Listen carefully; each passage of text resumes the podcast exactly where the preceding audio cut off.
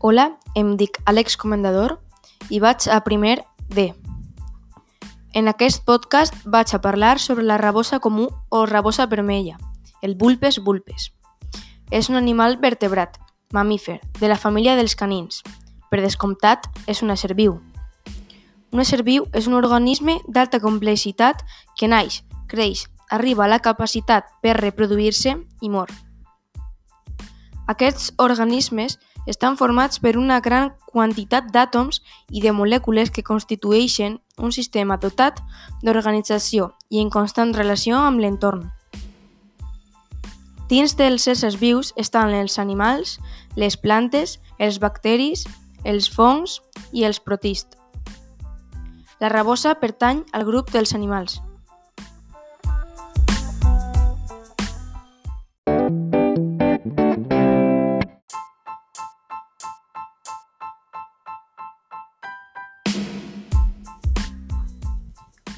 Animal és un ésser viu que es pot moure pels seus propis mitjans.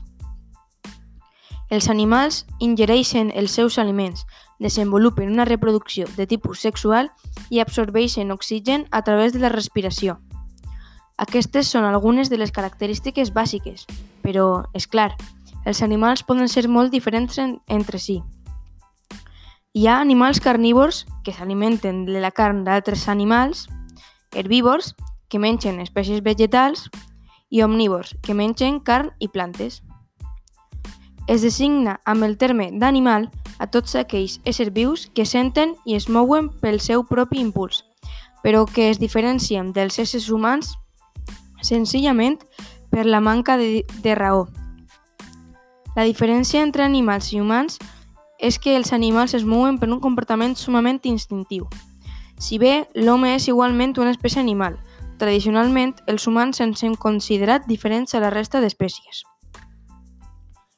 Els animals es divideixen en vertebrats, aus, mamífers, amfibis, reptils i peixos, i en invertebrats, com per exemple insectes, aracnis, cucs, bivalves, esponges, etc.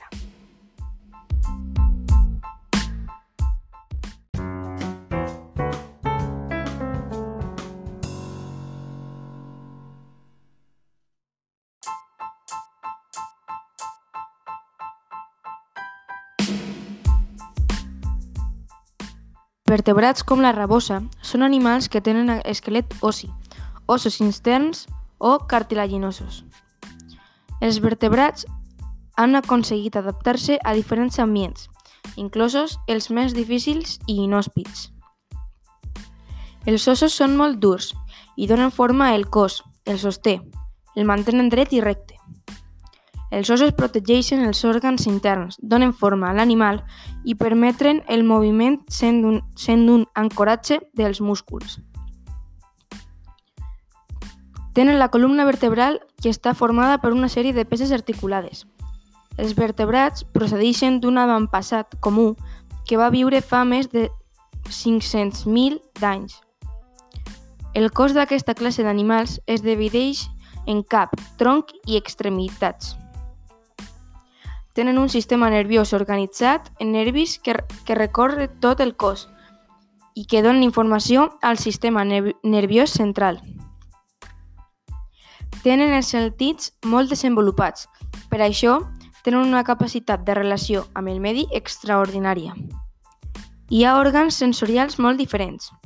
La pell és un òrgan característic que recobreix tot el seu cos, escàtels, escates, pèls o, o plomes.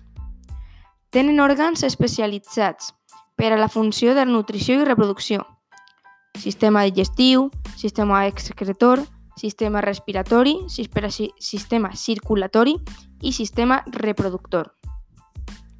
L'animal que ens ocupa, la rabosa, és un vertebrat. Els vertebrats es poden agrupar per al seu estudi en cinc subgrups, mamífers, peixos, aus, reptils i amfibis.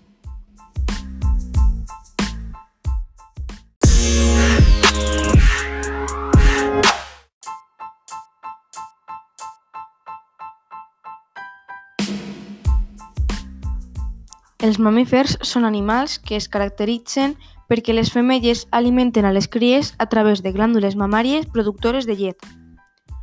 Les cries mamen llet de la mare, és a dir, s'alimenten amb la llet que produeixen les mames de la mare, com els humans. Tenen una fecundació interna i reproducció sexual, així protegeixen l'embrió dels depredadors. Tenen el cos cobert de pèl que ajuda a mantenir la temperatura i camuflar-se en el medi. Les extremitats segueixen un patró anatòmic, però s'adapten al medi on viuen. A la boca tenen dents que utilitzen per a menjar, ja siguin carnívors, herbívors o omnívors. Els mamífers són animals de sang calenta, és a dir, que són capaços de regular la temperatura del seu cos perquè es mantinga constant en un rang independentment que, fosa, que faça fred o calor i respiren a través de pulmons, encara que alguns viuen al mar. Tot i que la majoria de mamífers són animals terrestres, la veritat és que estan adaptats a diversos hàbitats i poden viure en ambients extrems, tant de fred o de calor, en ambients desèrtics i fins i tot en hàbitats marins. Hi ha tres grans grups de mamífers, els monotremes, els marsupials i els placentaris. La rabosa és placentària. Els placentaris són vivípars. Les cries naixen en un estat de desenvolupament avançat. Mentre estan a l'úter, s'alimenten a través d'un òrgan anomenat placenta. Exemples de mamífers són la balena, el dofí, el cavall, el gat, el gos o la rabosa.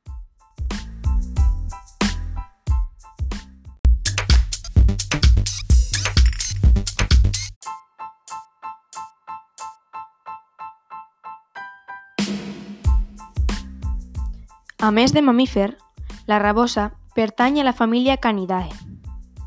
La família Canidae està composta per animals coneguts com xacals, llops, coyots, gossos i, per descomptat, raboses. Els cànids són una família de règim carnívor. Aquests animals són digitígrats. Els animals digitígrats són aquells que caminen recolzant només els dits de les potes i que solen ser bastant més silenciosos i ràpids que altres espècies. Les seves principals característiques en general és que inclouen un musell llarg i fi i cos esbelt. Dins dels Canidae estan dues tribus, Vulpini, que són les raboses, i Canini, que són els canins. Els canini són gossos, llops, coyots, xacals... Els vulpini es coneixen comúment com raboses. El més fàcil per a, per a diferenciar-los és mirar el seu nom científic. Si comença per canis, és canini segur, però si comença per vulpes, és un vulpini sense cap dubte, és a dir, és una rabosa.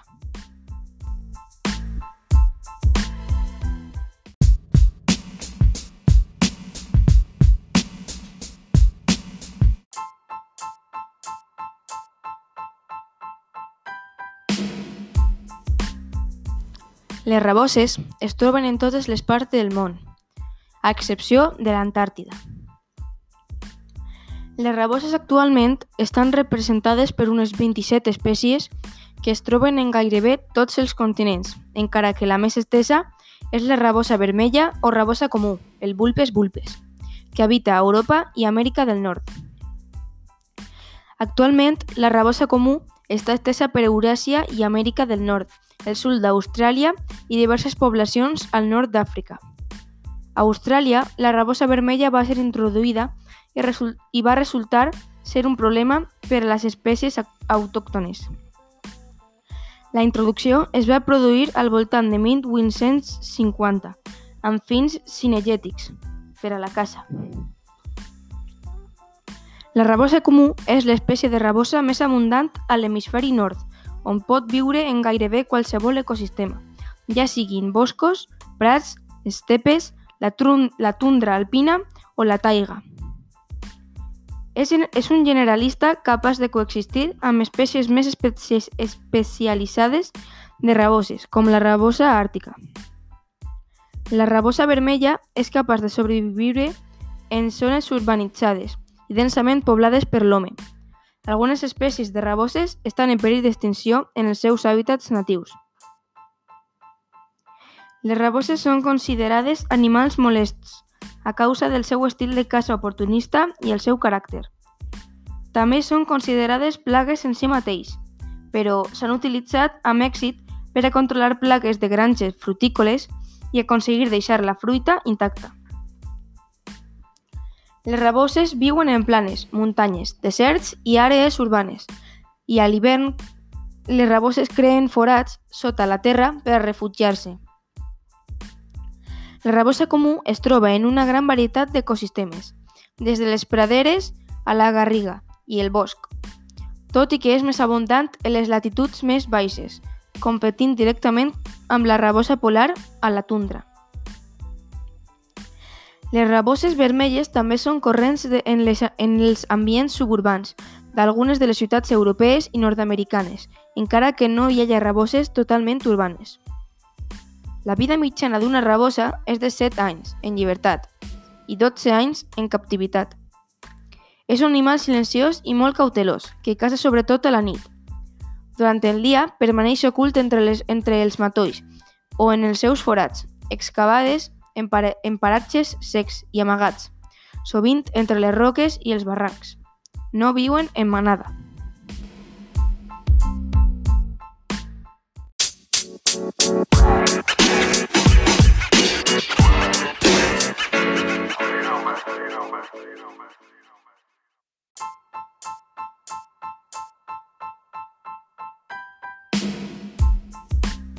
Característiques físiques de les raboses. La rabosa és un animal de grandària mitjana. La seva alçada i pes varien d'acord a l'espècie. El color del seu pelatge pot ser vermell o marró i també posseeixen en el seu cos àrees de color blanc. El nas i orelles són llargues, escolta de forma excel·lent i el seu olfacte ajuda a allunyar-se del perill i trobar aliment. Són secs i sords al nàixer, de manera que per protegir-se i sobreviure són custodiats per la seva mare durant el primer mes de nascuts. El seu nom científic, Vulpes vulpes, prové de la paraula llatina vulpes, que significa rabosa. La seva, la seva coloració més corrent en la naturalesa és el marró vermellor, vermellós, encara que existeixen individus totalment o parcialment melànics, de color gairebé negre o gris. Aquests últims es diuen raboses pel, pelats, pelatejades i es crien en captivitat per a fer roba. És una espècie de cànid petita. Els exemplars adults de la de rabosa comuna pesen de 3.6 kg a 7.6 kg. Depenent de la regió on habiten, sent els que viuen en latituds més septentrionals majors que els que viuen al sud.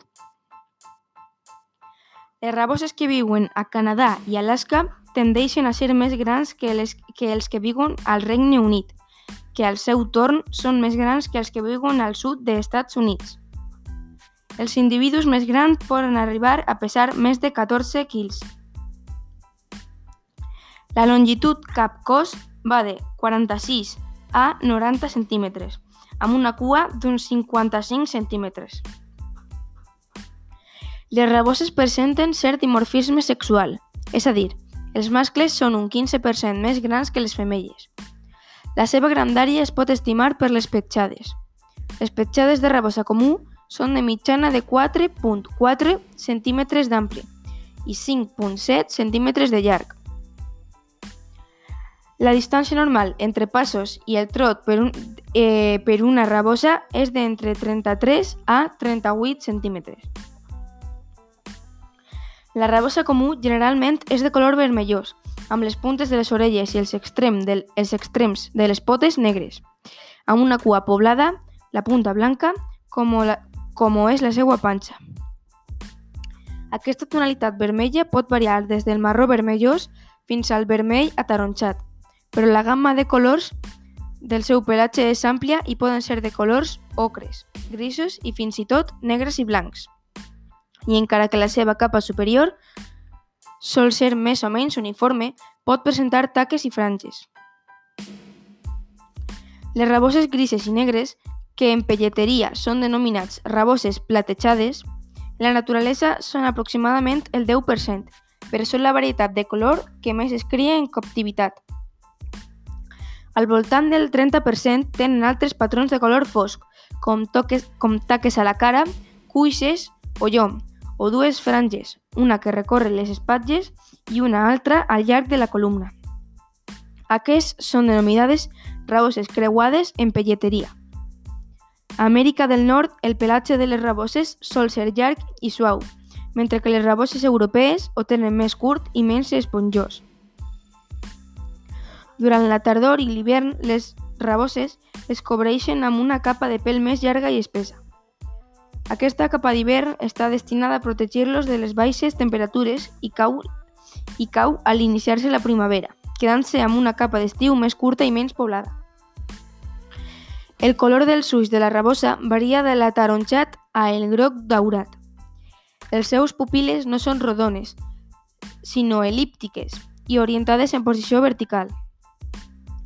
Tot i que és d'hàbits nocturns, la seva visió en la foscor de la nit és pobra, guiant-se més per l'olfacte i l'oïda.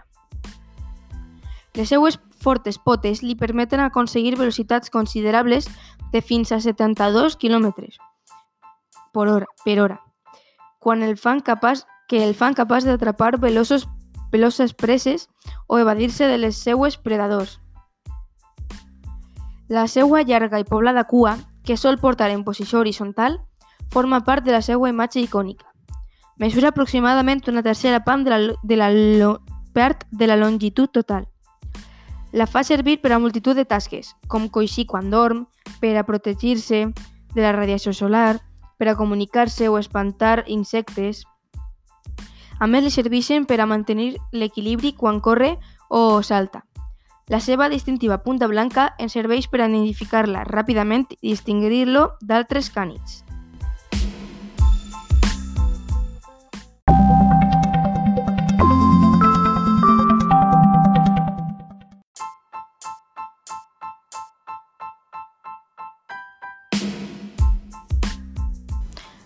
L'alimentació de les raboses. Les raboses no tenen els músculs facials necessaris per ensenyar les dents com fan els altres cànids. Habitualment són omnívors i són més actius durant la nit, on ixen a caçar, així que és considerat un animal nocturn. La rabosa és un animal omnívor. Esta di la dieta està composta de petits mamífers, com ara ratolins, insectes i poden incloure ous i plantes. Entre espècies comparteixen moltes preses, però algunes espècies, com la rabosa cangrejera, posseixen dietes molt especialitzades. La majoria consumeixen un quilogram d'aliment diari i el menjar sobrant l'enterren sota fulles, neu o terra per al seu posterior consum. És un animal que pot adaptar-se amb facilitat a viure tant en els mitjans salvatges com en els urbans, és oportunista i pot viure d'aliments derivats de l'activitat humana, com escombràries o carronya dels animals domèstics. Per caçar, les raboses es mantenen ajupides per a camuflar-se en el terreny, per a després utilitzar les seues potes del darrere per a impulsar-se i saltar sobre la seva presa objectiu. Usant les seues dents, s'agafen al coll de la seva presa i l'agiten fins que mor o és esbudellat.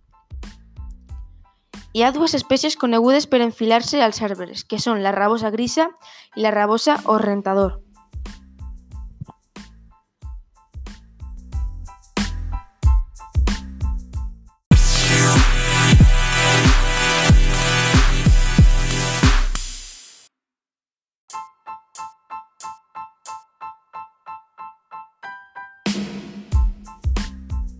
Depredadors de la rabosa.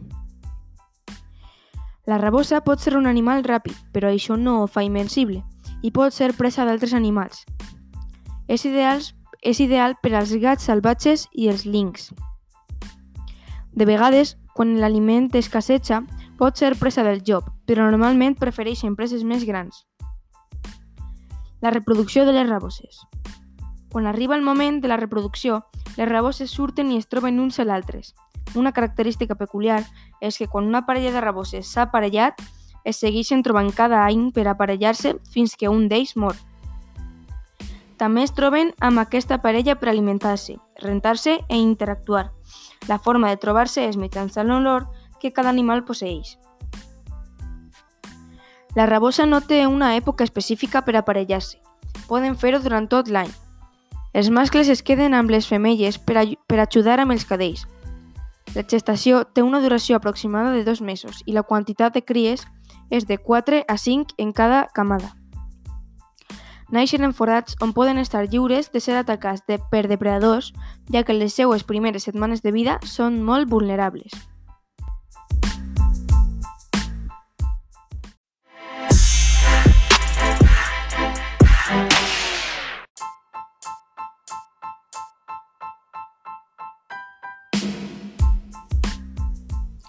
Vida social de la rabosa. Allà on viuen les raboses, a diferència d'altres membres de la família dels cànids, no viuen en ramats, són animals que cacen en solitari i són molt intel·ligents i astuts. La seva activitat principal és a la nit i per això és difícil que es puguen veure en el dia. Solen ser molt ter terri territorials. Les raboses tenen un gran repertori de sorolls que, que, que canvien o desapareixen segons l'edat de l'individu. Estén el ploriqueig, que és realitzat poc després de néixer i es realitza quan les cries tenen fam i quan baixen les temperatures corporals. Aquest ploriqueig estimula els pares a protegir a les seues cries. Un udol, que és un aullit, realitzat als 19 dies, els plors esdevenen udols que es produeixen a l'hora del joc. Crida explosiva, que és realitzat al mes de vida les cries permeten una trucada explosiva que intenta ser una amenaça per als intrusos o altres cadells. La crida combativa, que és realitzat una vegada que són adults, converteix la crida explosiva en un lladruc més agut. El grunyit, que és l'indicació d'un adult cap a les seues cries perquè s'alimenten o acudisquen, i el lladruc, que són eh, els desadults davant d'intrusos. En el cas de les raboses domesticades, el ploriqueig continua en els individus adults en senyal d'excitació i submissió cap a l'amo.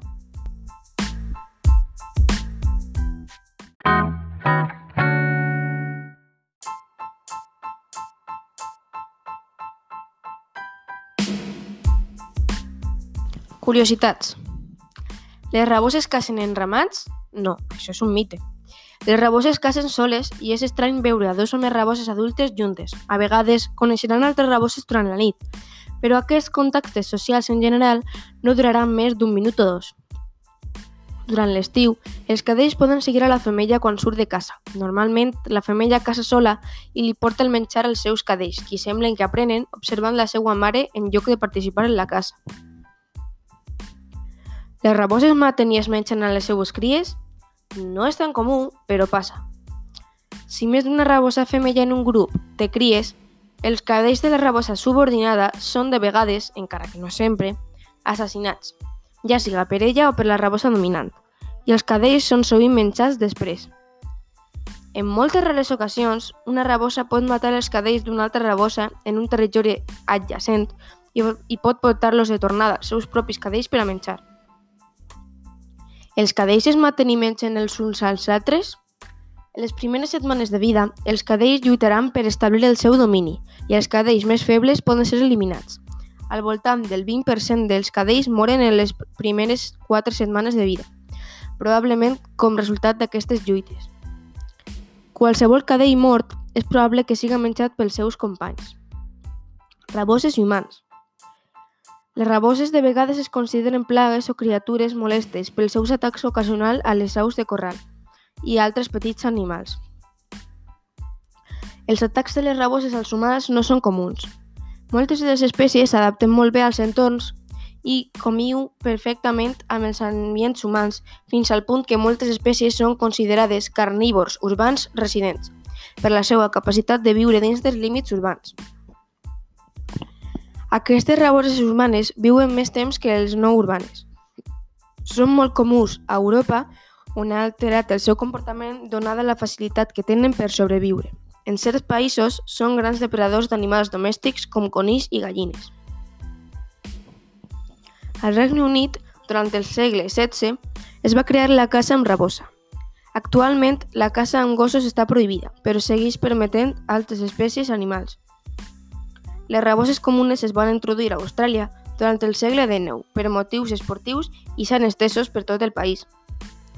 La caça és practicada com a recreació en diversos altres països, incloent Canadà, França, Irlàndia, Itàlia, Rússia i els Estats Units.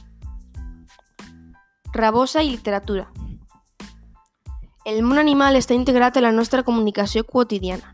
Així, diem que algú té una vista de links, és més lent que un caragol o que és, o que és un coset falder, és més tossut que una mula, etc.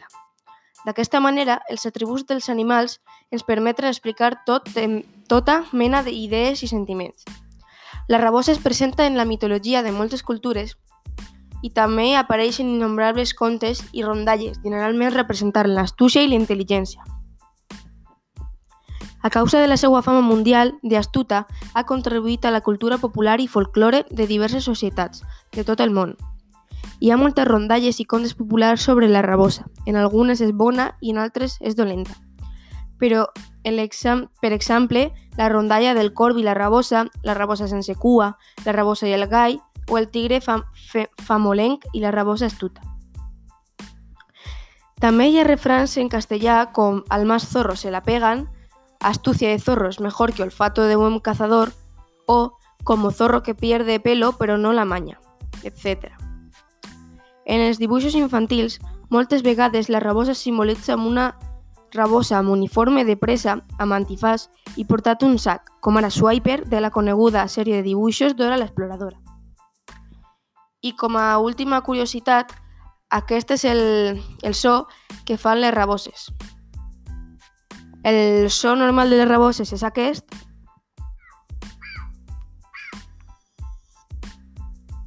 i el so de les raboses quan peleen és aquest.